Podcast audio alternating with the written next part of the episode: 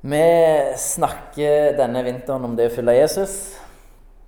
Eh, eh, vi snakker om at Jesus ønsker å lede oss til livskvalitet i overflod. At det beste vi kan gjøre, det er å følge Jesus. Eh, og Vi har snakket om, om bl.a. at det å tro på Jesus, det å følge Jesus eh, Det er ikke bare én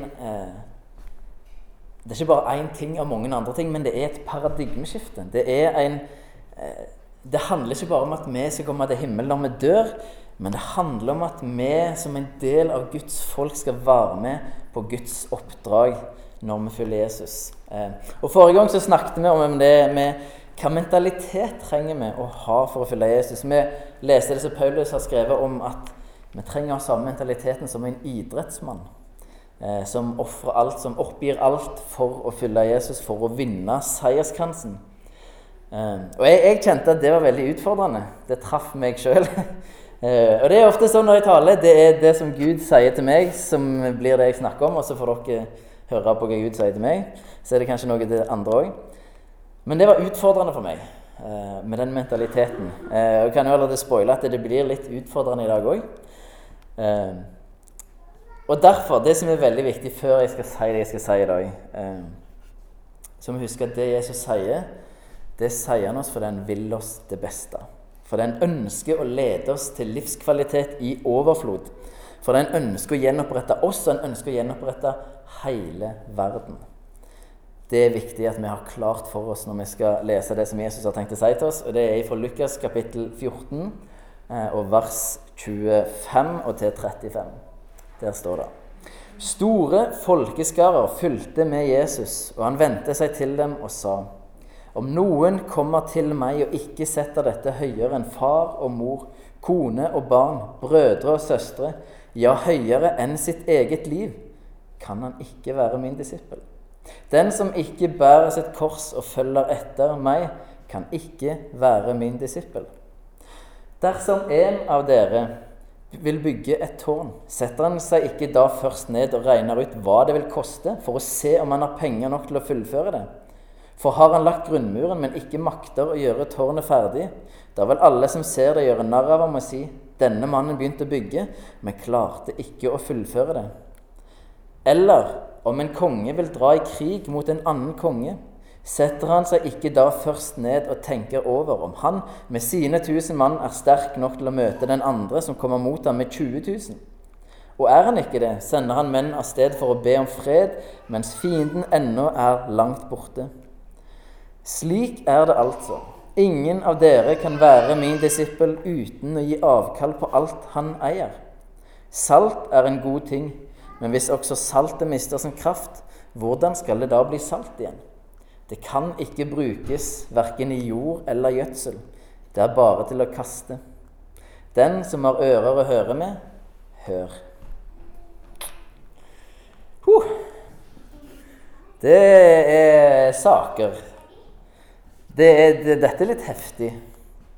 Uh, og jeg, jeg, må jo si jeg er veldig glad det er Jesus som sier det, og ikke noe jeg kommer på sjøl. Dette er det Jesus som sier til oss. Og Det kunne vært interessant å hatt en liten runde og delt litt hva, hva, hva tenker du og hva føler du etter å ha lest denne teksten. Det skal vi ikke gjøre. Det kan dere gjøre i hverdagsgrupper eller smågrupper som dere er med i. Eh, men jeg skal begynne med, med, på en måte å jeg vet ikke om jeg skal si trøste litt. Eh, men hvis det går an å si. Men når vi ser på det som Jesus sier om hvordan en disippel skal være, en som følger Jesus, eh, så er hvis vi tenker er det noen som klarer 100% å sette Jesus høyere enn alle andre, inkludert seg sjøl? Er det noen som klarer det 100% alltid? Og da vil jeg si nei, det tror jeg ikke går an. Jeg tror ikke det er mulig, for vi vil alltid ha noe syndig i oss. Så jeg tror ikke det går an. Og allikevel så sier Jesus dette her. Jeg tipper når, når, du hører dette, eller når du leser dette, så tenker vi automatisk om en sånn innenfor- og utenfor-tankegang. Jesus setter en linje her på hvem er innenfor, og hvem er utenfor. Eh, for det er, det er, en sånn terminologi vi bruker, eller iallfall noen av oss opplært i. Eh, jeg er det. Og vi opplever at dette er noen krav Jesus stiller for de som skal tilhøre han, og det er noen som er innenfor, og det er noen som er utenfor. De som klarer det innenfor, de som, de som er godkjent, osv. Og, det, det, er klart det finnes et innenfor og et utenfor, men jeg tror kanskje ikke det ser ut helt sånn som vi har tenkt. For hvis det som Jesus sier her, er noe som vi aldri klarer å leve opp til her på jorda, hva er det Jesus da er ute etter? Og jeg tror svaret her handler om retning. Og hvis vi nå tenker oss, eh, La oss tenke oss en sirkel. Har du, har du Jesus i sentrum av denne sirkelen? Dette er sånn vi tradisjonelt har tenkt. Jesus er i sentrum, og så har du deg noen prikker som er folk. Noen er innenfor, og noen utenfor. Noen er nærmere Jesus, og noen er litt lenger vekke fra Jesus, men de er fremdeles innenfor. Og så har du noen som er utenfor. De har ikke kommet til tro ennå. Sånn, sånn tenker vi tradisjonelt. Men hvis jeg nå setter noen piler på disse folka, så ser dere at han som er, eller hun som er nærmest Jesus, har nå ei pil vekk fra Jesus. Og han som var lengst vekke fra Jesus, han har plutselig innsett at han trenger Jesus. Han trenger å bli frelst. Mens han nærmest har funnet ut jeg, ikke om jeg, vil, jeg tror jeg har fått nok Jesus. Jeg, jeg tror egentlig jeg vil at Jesus skal styre mindre i livet mitt. Og Da er spørsmålet hvem av disse to er innenfor og utenfor nå, da? Hvem er det som, som, som er, har rett med Gud, hvis en kan si det? da? Det er kanskje ikke så enkelt lenger å, å sette en sånn innenfor og utenfor. For han som vi ville definert utenfor, han er på vei mot Jesus. Og Jeg sier ikke at det ikke er et innenfor og utenfor, men jeg tror ikke det er så lett som vi vil ha det til. Og jeg tror det Jesus prøver å fortelle oss med denne teksten, her, er hva retning har livet vårt? Jeg tror ikke Jesus er sånn superopptatt av dette innenfor og utenfor, sånn som vi har tenkt at noen er der og noen er der. Men jeg tror Jesus er veldig opptatt av retning. Hva retning har livet vårt? Eh, ønske Altså, jeg tar for min del jeg, jeg kan ikke si at Jesus er det aller viktigste i livet mitt til enhver tid. Det kan ikke jeg si, selv om jeg er pastor. Jeg kan ikke si det. Men jeg kan si at jeg ønsker å bevege meg i den retningen at Jesus skal få mer og mer herredømme i livet mitt. Det ønsker jeg. Det prøver jeg på. Jeg prøver fokus på det. Er dere med? Men jeg kan ikke si at Jesus er det ennå. Og jeg tror ikke det kommer til å skje på denne sida av evigheten. Eh, men jeg tror retning er det som er viktig. Ikke hvor du er i dag, men hva retning har livet ditt. Og Det er med det utgangspunktet vi skal se litt på det som Jesus sier her. Og Vi skal begynne med slutten av det Jesus sier, faktisk. For Jesus oppsummerer det han har sagt om det å være en disippel, med et bilde om salt. Og Salt på denne tida ble brukt til forskjellige ting. Eh, men i hovedsak så ble det brukt til smak, og det er til å hindre forråtnelse. Salt var et veldig viktig ingrediens. Det ble brukt på flere, ble, ble bare brukt som lønn. Soldater fikk betaling i salt. Eh, og sånne ting. Så, og det ble brukt til ofring. Så det, var en viktig ingrediens. Men først og fremst bruken var smak og hindre forråtnelse. Og salt det har spesifikke karakteristikker og kjennetegn som gjør at saltet gir, eh, en, har en effekt på sine omgivelser. Du merker når noe har salt og ikke. Og Jesus sier at sånn disippelskap, sånn som han beskriver det, har spesifikke karakteristikker og kjennetegn og dersom disse ikke ivaretas, disse karakteristikkene på hva en disippel er, og hvordan han lever, så vil ikke det livet ha en effekt på omgivelsene lenger. På samme måte som salt mister sine egenskaper, så har det ikke lenger en effekt på sine omgivelser. Det vil ikke gi smak lenger, det vil ikke hindre forråtnelse lenger. Er dere med? På samme måte sier Jesus at et disippelliv har visse karakteristikker. Og hvis det mister dem, så har det ikke en effekt på omgivelsene sånn som det var tenkt å ha. Er vi med så langt? Ja, det er greit? Nydelig. Så disse karakteristikkene er veldig viktige, og noe vi trenger å ha en retning mot. Så vi skal se litt på disse. Hva er det Jesus trekker fram som det viktige, og si litt om akkurat det. Det første som Jesus sier, er at det å følge Han det handler om å sette Jesus høyere enn familie og høyere enn oss sjøl. Altså lojalitet til Jesus den skal være høyere enn lojaliteten til din familie. Og eh, det, det, handler om hva plass Jesus har i livet. Hva prioritet han har. Hvem har forrang i livet? Hvem har forkjørsrett Familien sine ønsker, eller Jesus sine ønsker, dine ønsker eller Jesus sine ønsker. Hvem er det som har forkjørsrett? Hvem har forrang? Det er det Jesus på en måte setter et fokus på her. Og Den som skal være en disippel, må ha en retning mot at Jesus skal få lov til å ha forrang. Og Dette her syns vi høres ganske radikalt ut. Eh, og hvis vi syns det, så var det iallfall radikalt på Jesus' tid. For på den tida så betydde familien alt. Det var en ære-skam-kultur i mye større grad enn vi har i dag. Eh, og familien betydde alt. Absolutt alt. Å sette noe høyere enn familien var egentlig uhørt. Du kunne, altså, så, så det, det, var radikalt på denne tida òg. Eh, selv om du kjenner at det treffer deg litt. Men vi kan godt dra en andre ting enn familie. Vi kan dra en jobb, hobby, fritid, penger osv. De store tingene i livet vårt, hva plass har de i forhold til Jesus? Det er det spørsmålet Jesus stiller her. Og Dette høres hardt ut, og jeg må bare si husk at Jesus ønsker å lede deg til livskvalitet i overflod. Og det å sette Jesus høyere enn alle andre ting i livet er en av de tingene som leder deg til denne livskvaliteten. Og det som er greia, og bare husk dette, er at når Jesus får den rette plassen i ditt liv, så vil de andre tingene i livet, som penger, jobb, karriere, hus, familie osv., da vil de lettere få sin rette plass. Altså Det er på samme måte som at hvis jobb er viktigere enn din familie, så vil du, du vil merke at det skaper problemer i livet ditt. For det er, ikke sånn, det, det er feil rekkefølge. ikke sant? Har, da har ikke ting sin rette plass lenger. Og du vil merke at her blir det trøbbel, her blir det turbulens. Dette funker ikke. Eller hvis ungene dine er viktigere enn ektefellen, så vil det òg føre til turbulens. Det var kanskje noen som fikk noe å tenke på. Det er ikke åndelig å sette ungene høyere enn ektefelle. hvis du tror Det Det er ikke bibelsk engang. Tvert imot. Og hvis du gjør det, så vil det, få, det, vil, det vil bli turbulens i livet ditt. For ting har ikke sin rette plass, og da blir det trøbbel. Og mye av vårt strev og krav i livet kommer av at ting har feil plass. Og Det er derfor det er så viktig at Jesus får sin rette plass, sånn at de andre tinga kan da få sin rette plass. Det må begynne med Jesus. Han må få den rette plassen først, før de andre tinga kan begynne dette på plass. Er dere med? Det er litt, litt som et puslespill. At Jesus må være en ramme, for da kan du begynne å sette de andre brikkene på plass der de skal være. Uten rammer så blir det veldig vanskelig.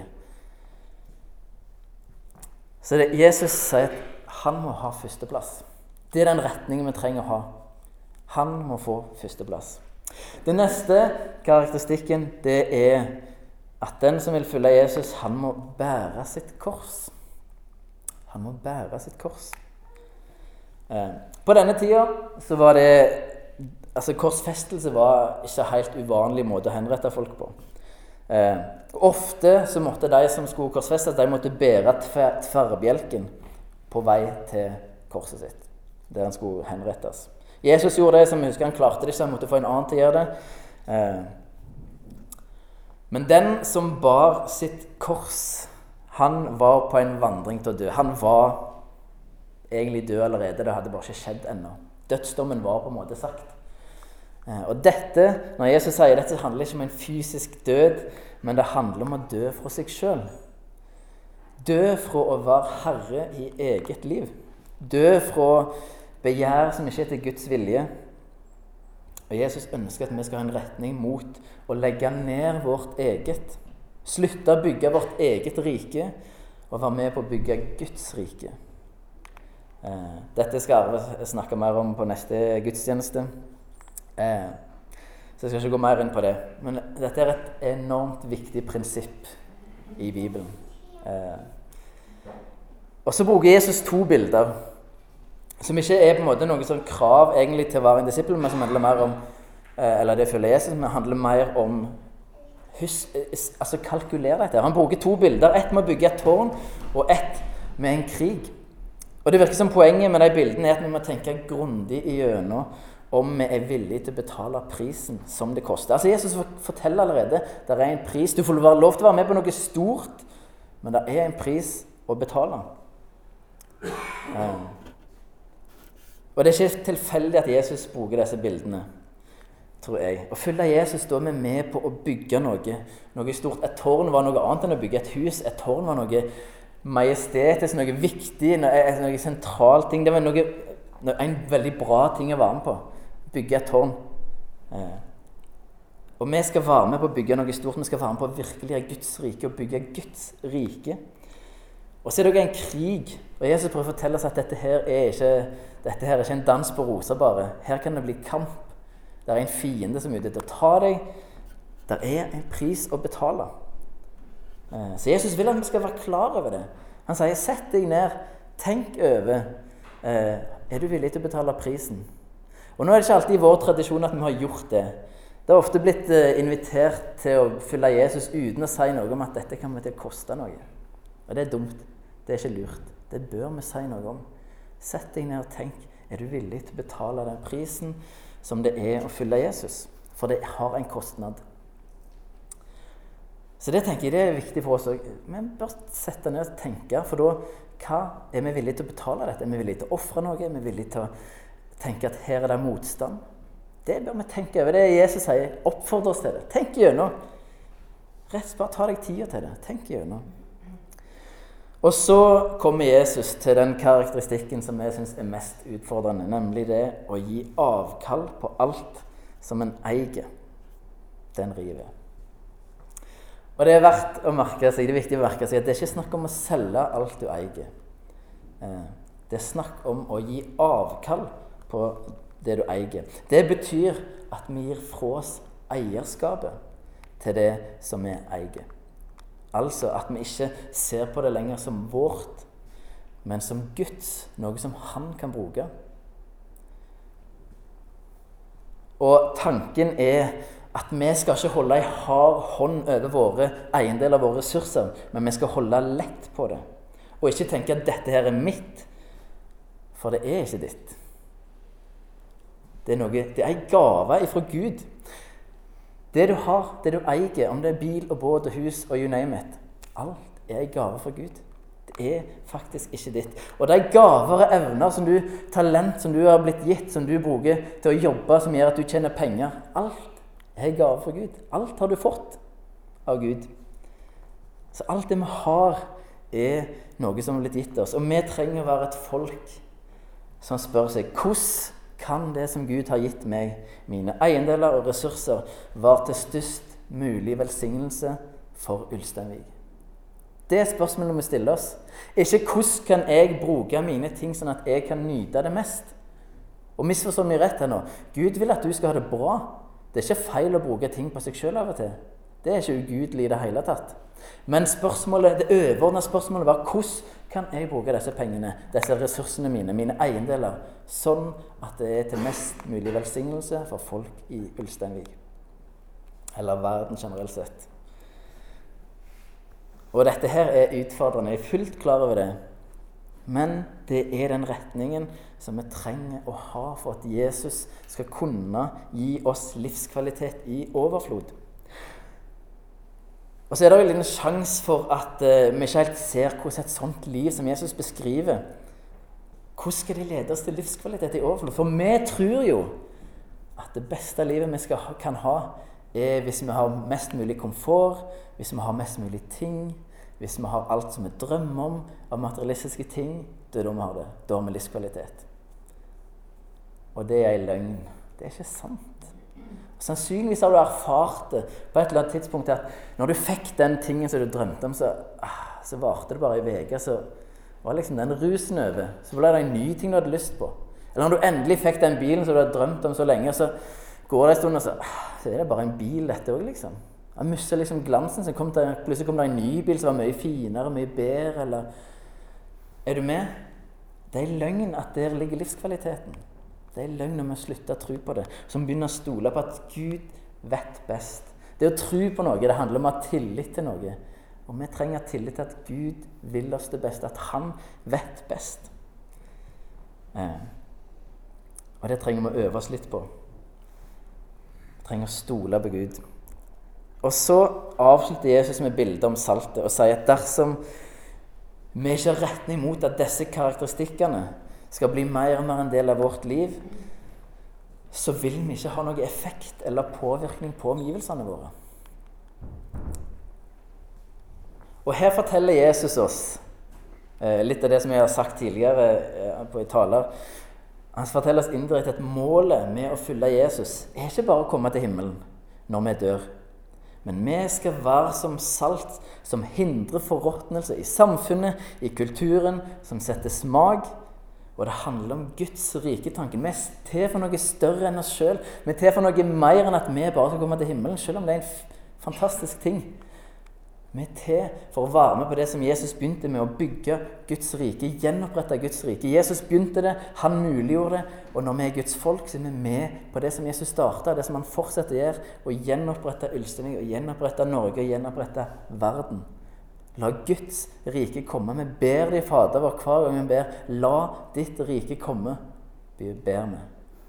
La ditt rike komme. Det er vi satt til å være med på. Og vi trenger å være salt som hindrer forråtnelse, som setter smak. Det er en del av det vi er kalt til. Og Det er derfor det som Jesus snakker om her, er utrolig viktig. Dette er retningen som livet vårt trenger å ha. Og så kan vi bare tenke oss hvor fantastisk hadde ikke verden vært hvis alle satte Jesus høyest? Hvis alle la ned sitt eget for å tjene andre mennesker? Hvis alle tenkte at mine eiendeler er ikke mine, men det, det er for å brukes for folk sitt beste, hvordan hadde verden sett ut? Bare tenk, Hvordan hadde Ulsteinvik sett ut hvis, det, hvis folk tenkte sånn? Eller bare tenk, hvis vi tenkte sånn, hvordan kunne Ulsteinvik sett ut? Jeg tror det hadde forandra ganske mye. Jeg tror det forandrer ganske mye. Så dette her er enormt viktig, selv om det river. Selv om det, dette, her, dette her uh, skaper litt sånn ah, Vi kjemper litt med dette. Jeg i hvert fall. Eh, men dette er ikke en byrde som Jesus legger på oss, men det er veien til liv. Veien til et forandra Ulsteinvik. Og så er det viktig å huske at dette handler ikke om hvor du er hen nå. Det er faktisk ikke det som er relevant, hvor du er akkurat nå. Spørsmålet er hva retning går det i? Hva retning har livet ditt? Er dette noe du ønsker skal skje i livet? Er det noe du sikter mot? Er det noe du ønsker å ha fokus på? Hvor, hva retning har livet ditt? Og Vi er fremdeles i fastetida, og det, det, det, er ikke tilfeldig at jeg velger å snakke om dette nå. Eh, fastetida er ei tid med ransakelse av eget liv, en forberedelse til å feire påske. Eh, og Jeg vil oppfordre deg til å reflektere over disse tingene her. Eh, både alene og i lag med andre.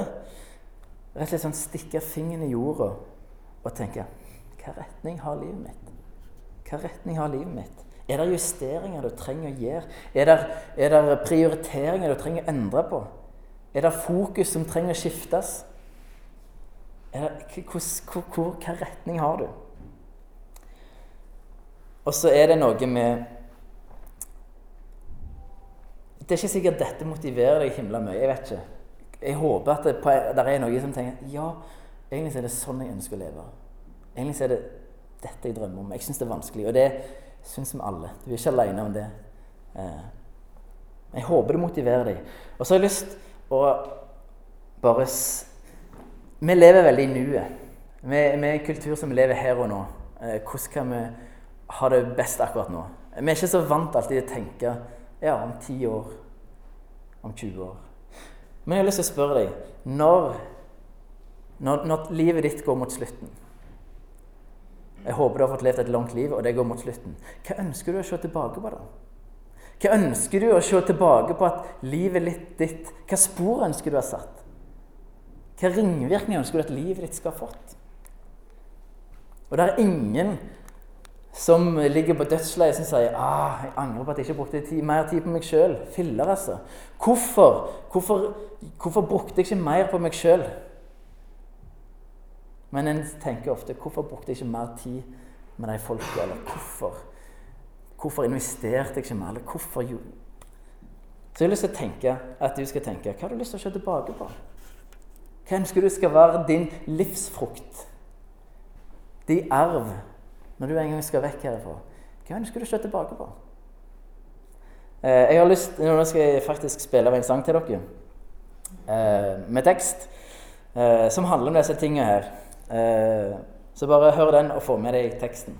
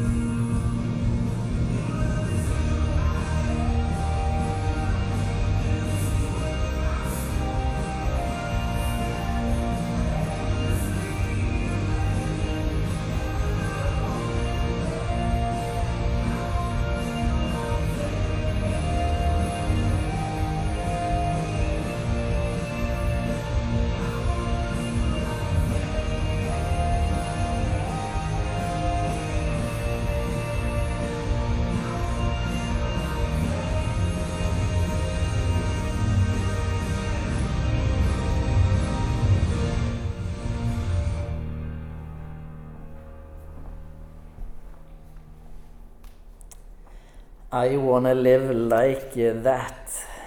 Hvordan vil du leve? Hva vil du se tilbake på? Hva ønsker du at spor ønsker du har satt? Ikke bare i dine unger, hvis du har det, men i nærmiljøet, i folket rundt deg, i venner. Hvordan ønsker du å leve det?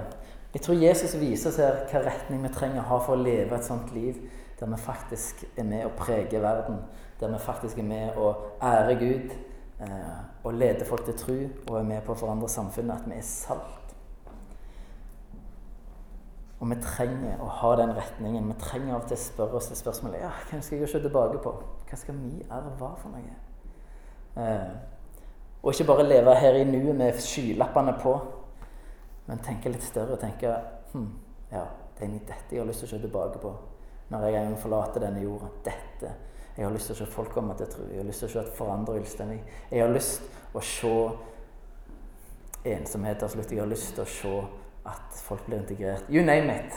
Det er mange ting. Men tenk over hva du har lyst til å se tilbake på. Jeg skal, helt til slutt skal vi bare ha Jeg vil jeg skal reflektere litt.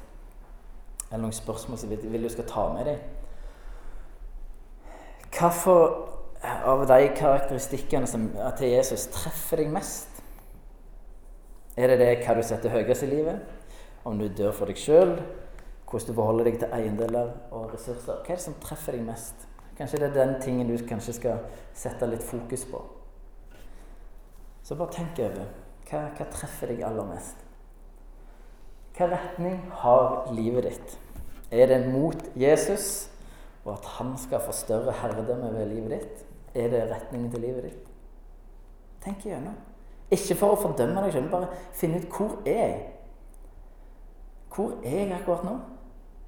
Og som sagt, eh, hvor du er nå, er ikke det som er avgjørende, men da kan du òg gjøre noen endringer for hvilken retning skal du ha.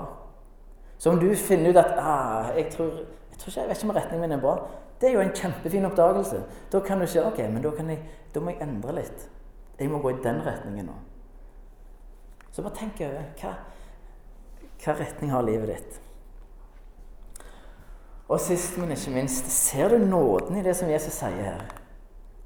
ser du at han sier dette for at han vil deg vel.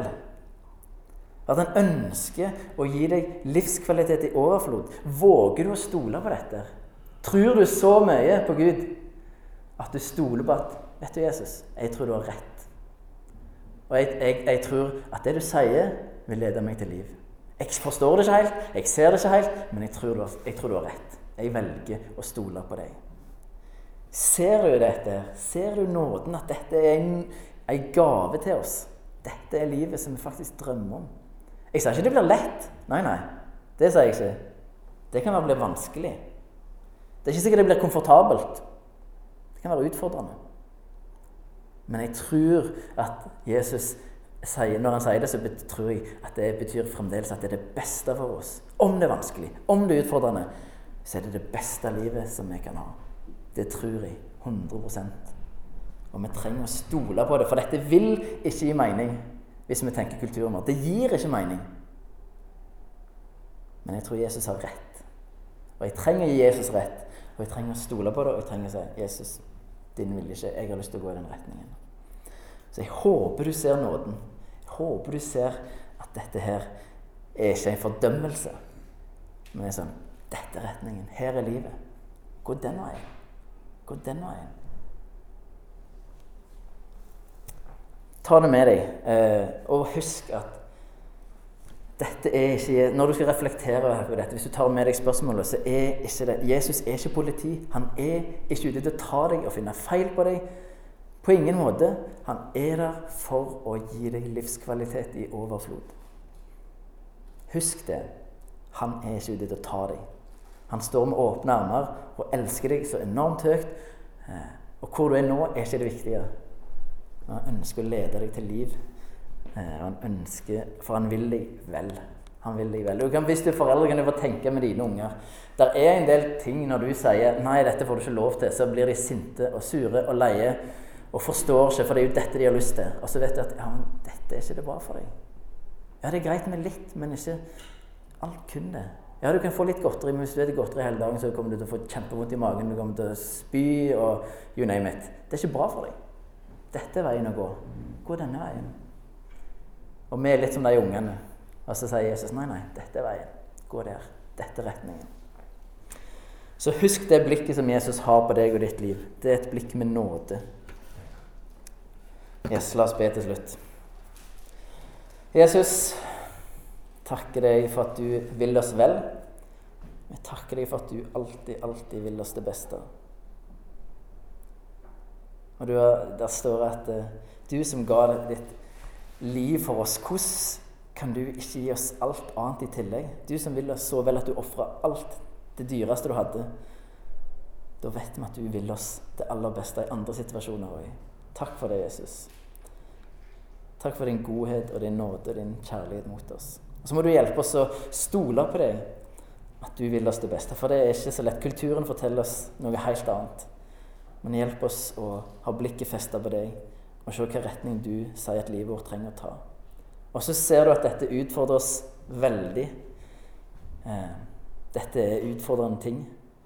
Og så ber vi om at eh, du må hjelpe oss å gå i den retningen. Hjelpe oss å ta et steg av gangen. Hjelp oss å følge deg, Jesus. For det er til det beste for oss og til det beste for deg rundt oss. Hjelp oss å se at vi er del av noe større. At vi er en del av eh, et folk som er med på å gjenopprette verden og lede dem til deg. Eh, og få lov til å gjenopprette samfunn og kultur. Så vi ber at vi skal få lov til å være salt. Vi skal få lov til å være, leve som disipler som følger deg, og som betyr en forskjell, som har en påvirkning på samfunnet rundt oss, på kulturen som vi lever i. Vi ber om å få lov til å være ei sånn kirke, en sånn familie, som er med på å prege samfunnet. Hjelp oss til det. Hjelp oss å se, eh, se ditt blikk på våre liv. Må du bare lede oss, Jesus. Vi trenger deg så enormt masse. Så bare ber jeg om at hvis det var ting som jeg sa som ikke var for deg, Jesus, så bare ber jeg om at det skal falle dødt i jorda. Så ber jeg om at det som var ifra deg, at det skal få lov til å bli til liv i våre, eh, i våre hjerter og føre til forandring, Jesus. Det ber vi deg om i ditt navn. Amen.